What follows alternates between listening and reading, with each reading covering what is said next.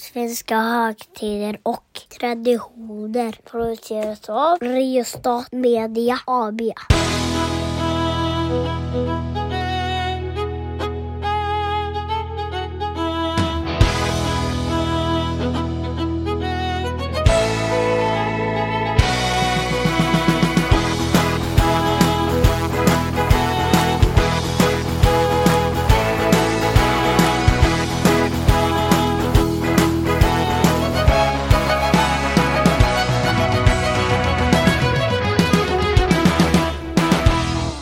Välkomna tillbaka. Vi har ju nu lagt eh, jul och annat trams bakom oss. Mm. Det får stå för dig Daniel. Ja, det står för mig. Eh, men det här är ju podden eh, Svenska högtider och traditioner med mig, Daniel Karlenfors, och våran inhouse eh, traditionsexpert Mattias Axelsson. Det är jag det. Det är du det. Mm. Och idag får vi nog ändå börja med att vi ska prata om någonting som jag inte är helt säker på är varken en svensk högtid eller en svensk tradition. Nej, vi ska prata om Förintelsens minnesdag. Ja. Och varför tycker experten att det är rimligt att prata om det? Nej men, någonstans så, man skulle ju kunna vara väldigt sådär fyrkantig och i en podd som heter Svenska högtider och traditioner bara begränsa till, sig till sånt som, ja men det här är väldigt tydligt en högtid i Sverige, alltså det här är någonting som svenskar firar genom att vi äter speciell mat eller att vi samlas kring någon tv-program eller kring en gran eller vad det nu kan vara. Men jag tycker ju ändå att eftersom det är vi som gör podden så får vi bestämma själva vad vi pratar om.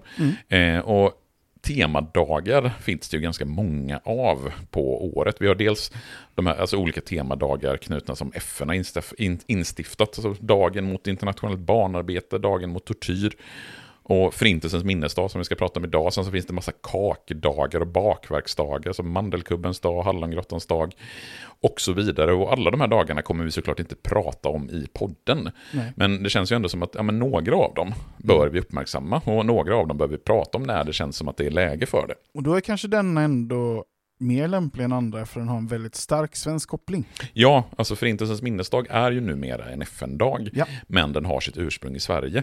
Vilket gör att då passar den ju ganska bra att prata om i en podd som heter Svenska högtider och traditioner ändå. Så det, det är inte helt skohornat in, det finns ändå en koppling till Sverige. Kommer vi prata någonting om den kopplingen? Det kommer vi definitivt att göra. Härligt!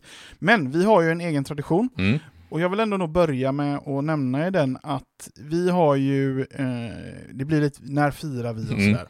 Vi firar såklart inte förintelsen. Eh, det är ju ett sätt att uppmärksamma Mm. någonting väldigt hemskt på. Men Precis. vi har vårt format. Eh, så jag vill bara vara tydlig Ja, med det, så att det inte missförstås Bra att du säger det. Det är inte så att jag säger att vi firar Förintelsens minnesdag nu, eller att du frågar om det, utan vi har Precis. våra frågor, ställ dem, och Ja. så fattar folk det, tänker jag. Yes! Så, är Mm. du redo? Jag är redo. När infaller dagen? 27 januari. Hur firas det? Den uppmärksammas genom filmvisningar och föredrag och liknande. Hur länge har vi firat? Sen 2001. Vem firar? Det är framförallt i skolor och av eh, myndigheter och liknande. Äter vi något särskilt? Nej, det gör vi inte. Borde det införas någon särskild mat? Det här är ju en sån här temadag. Nej, Mm. det finns inget specifikt som man äter knutet till Förintelsens minnesdag. Nej. Eh, och där, där blir det ju ytter, ytterligare lite apart att vi har det som en standardfråga i Fem snabba. Men vi är lite fyrkantiga av oss, både du och jag, vilket gör att vi kan inte släppa riktigt formatet med Fem snabba, även om det är Vi, vi Förintelsens minnesdag. gillar ju formatet Mm. och, och vi tycker nog ändå att det, det skapar ju en viss, alltså det blir en skön känsla av tradition och att saker är som de är och så. Mm. så vi, vi håller väl fast vid det utav den anledningen. Ja, jag tycker ju faktiskt det. Jag tycker faktiskt det. Men eh, vi var lite inne på det, den här ganska starka svenska kopplingen ändå. Vill du gå djupare på det? Ja, alltså någonstans eh, så om vi ska prata om Förintelsens minnesdag den 27 januari så har ju den sitt ursprung i Sverige. Även om man tänker sig att ja, men det, numera är det en FN-dag Ja. och den uppmärksammas på olika sätt runt Och om i den har världen. väl funnits för evigt typ? Ja, eh, ja, den har ju inte funnits längre än Förintelsen har Nej, funnits, nej. men jag förstår vad du menar. Och ska vi liksom bara kort ta Förintelsen så är ju det ett historiskt skeende under andra världskriget då eh, nazistregimen i Tyskland utrotade miljontals judar och romer framförallt. Det var ju de två folkgrupperna som man väldigt systematiskt utrotade. Sen var det andra grupper som också föll offer i nazisternas utrotningsläger. Men det är judar och romer som folkgrupper som är de vi framförallt uppmärksammar när vi pratar om förintelsen. Mm. Och för att förstå då Förintelsens minnesdag så behöver vi hoppa fram till slutet av 1990-talet. För då är Göran Persson socialdemokratisk statsminister i Sverige. Och 1997 så lanserar han initiativet Forum för levande historia. Men är det, är det han eller är det socialdemokratiska partiet? Ja, det är ju socialdemokratiska regeringen Ja, som lanserar okej. det och eh, med, med Göran Persson som statsminister. Yes. Och det är Göran Persson personligen som går i bräschen. Det är så det är från honom initiativet kommer. Eh, och anledningen till att han lanserar, eller att regeringen lanserar Forum för levande historia och ger ut skriften om detta må ni berätta, det är ju för att det i slutet på 90-talet kommer en undersökning om svenska ungdomars uppfattning om just förintelsen. Och då var det 8% av svenska ungdomar som tillfrågades i den här undersökningen som var antingen inte alls säkra eller ganska osäkra på att förintelsen hade ägt rum. 8 procent sa du? 8%. Yes. Och det här tog då Göran Persson som intäkt för att vi måste informera mer om förintelsen i svenska skolor. Och då skapar han då Forum för levande historia som sen blir en myndighet. Och som en del i det här arbetet med att uppmärksamma förintelsen, eh, man ger ut massa skrifter, man startar webbsidor, man gör olika typer av eh, grejer för att uppmärksamma Start, förintelsen. startar man verkligen webbsidor redan då? Jag är osäker på när exakt den första webbsidan för Men de kommer förr eller senare? när, när, när, när det blir webbsidor så är Levande historia ganska tidigt ute Yes. med en webbsida, det vet jag. Sen om man exakt lanserar den slutet på 90, början på 00-talet, det vet jag eh, faktiskt inte. Men det man också gör, det är att man den 27 januari år 2000 arrangerar en stor förintelsekonferens i Sverige. Där man bjuder in deltagare från alla världens länder för att då uppmärksamma den nazistiska förintelsen genom att ha olika typer av föredrag, man har minneshögtider i synagogor och liknande.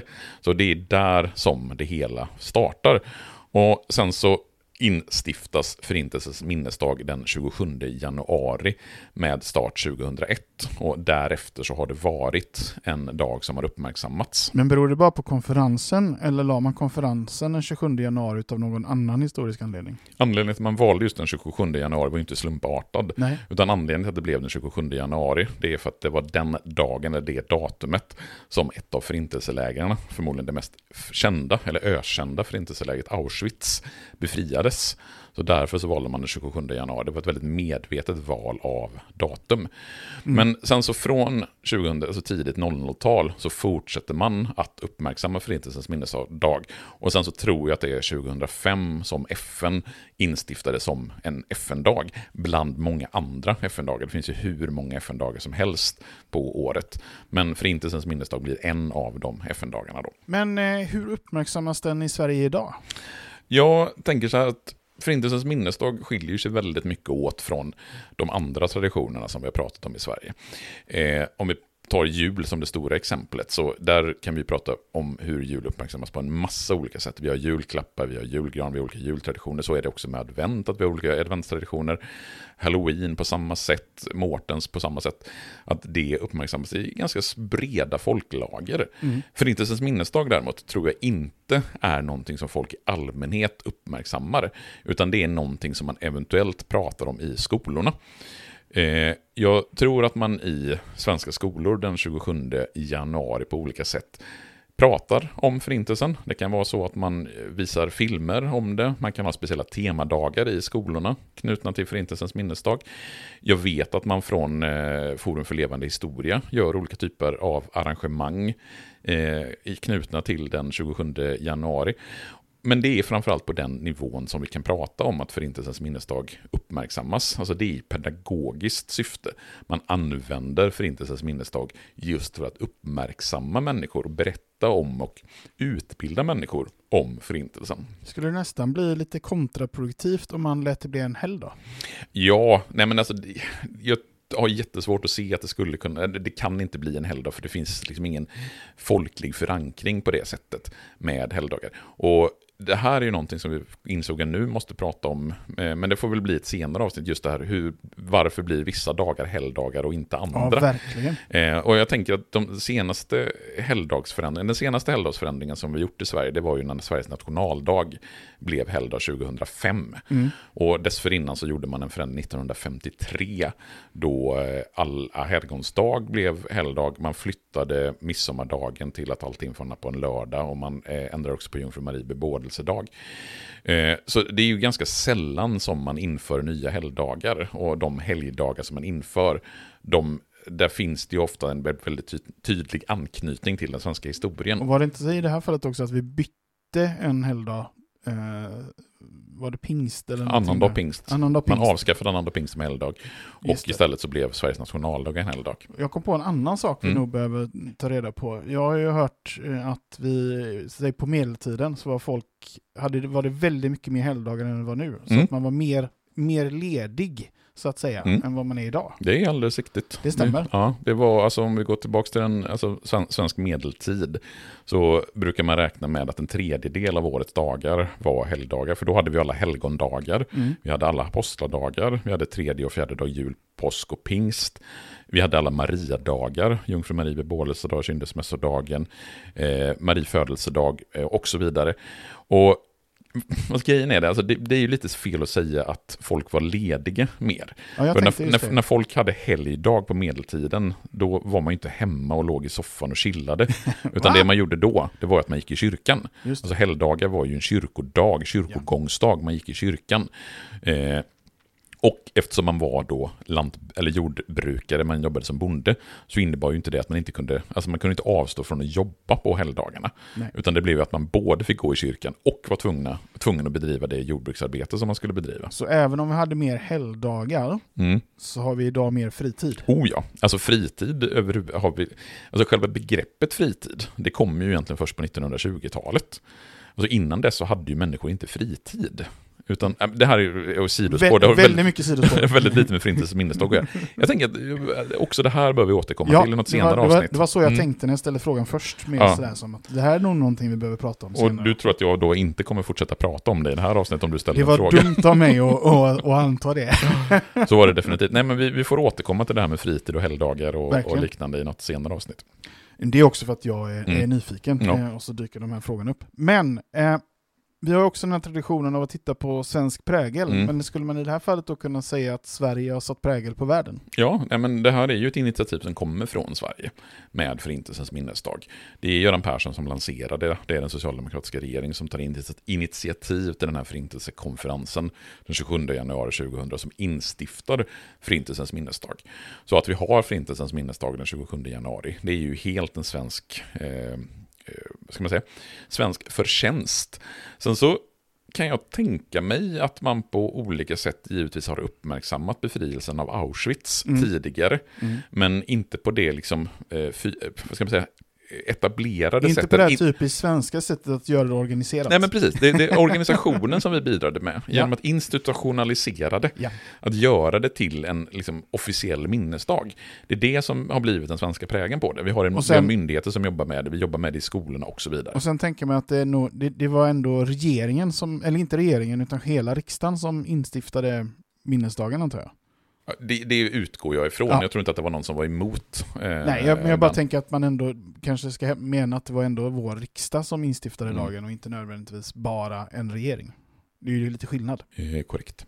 Ja, så, så ja, det är Sverige satt mm. prägel på världen helt enkelt. Vi bidrog med eh, att organisera det hela och, och, och se till att... Ja, att det nu, blev en FN-dag. Nu blev det en mm. FN-dag. Och det, det är ju bra, men det här låter ju extremt okontroversiellt. Mm. Finns det ens någon kontrovers kopplat till det? Ja, alltså det var ju en del kontroverser i slutet på 90-talet där när vi instiftade Forum för levande historia i Sverige och man drog liksom så stora växlar att man behövde ha myndighetskampanjer för att uppmärksamma förintelsen med utgångspunkt i den här undersökningen där då 8% av de tillfrågade svarade att de, var lite, att de inte var helt övertygade om förintelsen hade ägt rum. Den undersökningen vet jag blev väldigt kritiserad mm. för att vara ganska dåligt gjord och att det underlaget som fanns där, eller de slutsatser som man drog ifrån undersökningen, egentligen var helt felaktiga. Det var inte så mycket som 8% som betvivlade. Det var inte så att 8% av svenska ungdomar var förintelseförnekare. Nej. Vilket det ibland lät som i slutet på 90-talet, när man då skulle göra den här eh, initiativet med att uppmärksamma förintelsen och det som sen då blir förintelsens minnesdag. Sen tror jag att det är väldigt få som ifrågasätter och som tycker att det är en dålig idé, en mm. dålig idé att vi pratar om förintelsen och att man minns befrielsen av Auschwitz och så vidare. Det som möjligtvis kan vara kontroversiellt, det är ju det att okej, okay, vi har en förintelsens minnesdag för den eh, nazistiska förintelsen. Mm. Bör vi inte då också ha förint alltså, minnesdagar för andra folkmord som vi har haft i historien, till exempel turkarnas folkmord mot, eh, mot armenierna mm. under första världskriget, folkmordet i Rwanda 94, mm. eh, Stalins eventuella folkmord mot Ukraina på 1930-talet och det, så väl det jag minns själv lite från, från um, när jag tänker tillbaka kring den tiden, just det här att varför just bara nazisterna, mm. kommunisterna var ännu värre. Ja. Den klassiska. Jo, men det, det, var ju en grej som, och ska man inte prata specifikt om Förintelsens minnesdag, utan prata om Forum för levande historia, mm. så kan ju jag själv personligen uppleva som att det är inte helt okontroversiellt att vi har myndigheter som skriver historia. Alltså att vi har en statlig historieskrivning. Historia är ju ett forskningsområde. Mm. Historia ska bedrivas som ett forskningsämne på universitet. Det är inte så att vi ska ha en statlig historieskrivning som bestämmer att det här är historien. Men är den så tätt sammankopplad med, med staten? För universitet ja, ju, finansieras ju av staten. Ja, men det är ju, alltså, Forum för levande historia är ju myndighet. Det är ju universiteten också. Ja, fast de är en myndighet drivs av myndighetsdirektiv. Ja. Så att de är ju i någon mening politiskt styrda, ja. Forum för levande. Sen är det inte så att, vi har, att regeringen sitter och bestämmer exakt vad Forum för levande historia ska göra, eller Nej. vad den ska skriva. Men jag kan ändå uppleva som att det inte är helt okontroversiellt att vi har mm. en myndighet som ska berätta vilken historia det är som är viktig.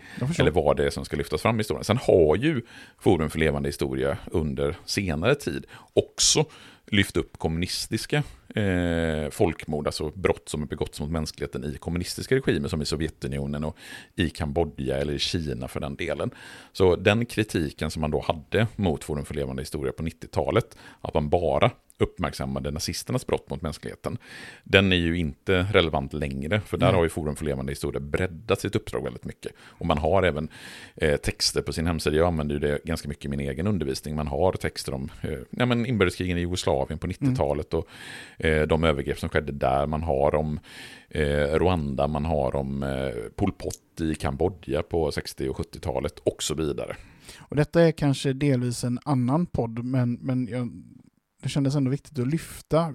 När, när kvalificerar sig någonting som ett folkmord? Liksom? När vet vi att någonting är det? Det här är definitivt en helt annan podd. Eh, men alltså, det, det, där kan man ju diskutera fram. Det finns ju en FN-konvention om genocide, alltså om ja. folkmord.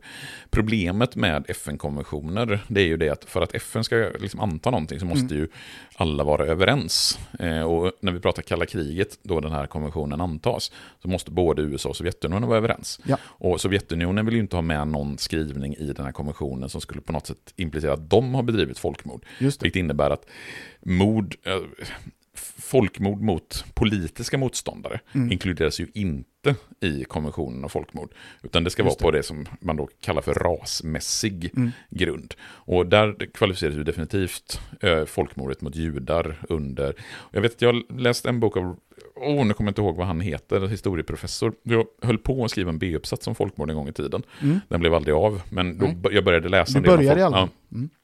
Och han menade ju då att i strikt mening, om vi bara ska använda liksom den bokstavliga tolkningen av folkmordskonventionen, mm. så är det egentligen bara tre skeenden i historien som går att kvalificera som folkmord. Det är dels turkarnas folkmord mot armenierna. Fast det är väl inte ens erkänt, eller är det det? Ja, det är ju inte erkänt av turkarna själva. Nej, okay. mm. och, det, och, det, är ju det här. Mm. Alltså, när vi pratar om folkmord, det är en politisk benämning, alltså det ja. blir hela tiden en politisk diskussion. Och de som själva har begått övergreppet kommer ju inte själva anse att det här är ett folkmord. Såklart. Utan att ja, men det är bara bara, det är ett krig och i krig dör människor. Men enligt den här historieprofessorn, som jag tyvärr inte minns namnet på, ja. så är det dels då turkarnas folkmord mot armenierna, ja. det är judarnas folkmord, eller tyskarnas folkmord mot judar, ja. och det är Rwanda 94. Det är mm. de tre händelserna som går att klassificera i strikt mening som folkmord. Sen så skulle väl de flesta även inkludera andra händelser. Men som sagt, det är lite grann en annan podd. Det är en annan podd. Eh, även Men- om det är Förintelsens minnesdag vi pratar om i det här Ja, avsnittet. Men det kan vara bra att kanske ändå toucha lite. Ja, abs- absolut. Eh, Men eh, på den här mer folkbildande och kanske lite svarta noten så Mm. eh, avslutar vi väl för denna gången. Mm. Men jag då som har noll koll på sånt här när traditioner och högtider infaller, vad är nästa högtid vi ska prata om? Ja, det beror väl på om du vill prata om kungens födelsedag eller inte. Eller kungens namnsdag menar jag, den 28 januari. Vi, vi kanske får prata någonting om den. Mm. Då blir det nästa, för det är ju imorgon. Härligt. Mm. Då kör vi den då. Hej då. Ha det gött. Hej.